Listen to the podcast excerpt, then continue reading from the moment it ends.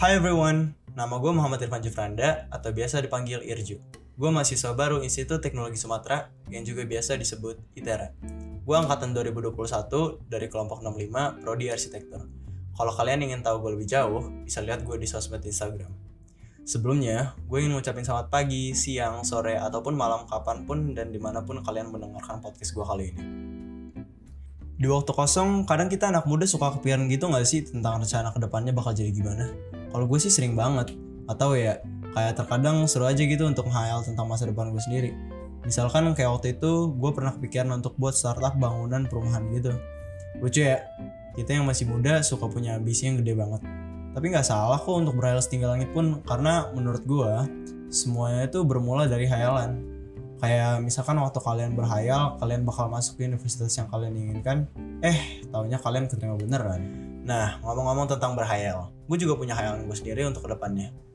Ya maka dari itu gue buat podcast ini karena gue pengen ngebahas tentang future plan gue untuk ke depannya.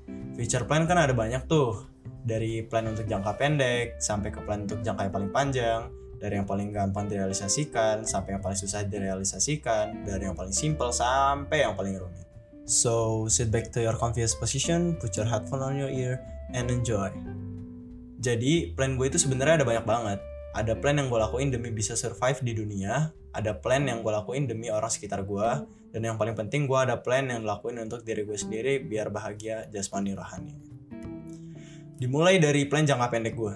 Pertama-tama gue sih pengen ngejaga kesehatan fisik gue. Ya siapa sih yang gak mau sehat di masa pandemi kayak gini? Ya gak sih? Apalagi gue ada orang-orang sekitar gue yang gue sayang dan gue gak ingin mereka sakit gara-gara gue kedua kesehatan mental gue gue ingin tetap sehat secara mental walaupun nanti ke depannya banyak ujian yang bisa bikin gue down secara mental dengan cara gue curhat sama temen, gue jalan-jalan ke pantai, air terjun, dan kegiatan-kegiatan lainnya yang bikin gue sehat secara mental. Kalau untuk kuliah, rencana gue yang pastinya gue ingin kuliah tepat waktu dengan gelar cum laude. Selain itu, gue ingin cari relasi sebanyak mungkin dengan masuk organisasi di universitas gue. Karena menurut gue, relasi itu punya peran besar di kehidupan gue, apalagi untuk plan jangka panjang. Siapa tahu di hari ke depannya gue bisa dibantu secara mental, atau koneksi kerjaan, ya atau apa pun itu. Sekarang, plan jangka panjang gue. Gue ingin waktu gue lulus kuliah nanti, gue kerja di suatu perusahaan besar yang bergerak di bidang pembangunan. Kenapa target gue ingin langsung perusahaan besar? Karena gue ingin belajar langsung dengan arsitek-arsitek senior di perusahaan tersebut. Rencana gue sih, gue juga ingin buka perusahaan startup pembangunan tempat tinggal yang bersubsidi. Kenapa? Ya, karena gue ingin membantu orang yang ingin beli rumah tapi dengan harga yang terjangkau. Entah itu untuk rumah sementara ataupun rumah permanen sampai tua.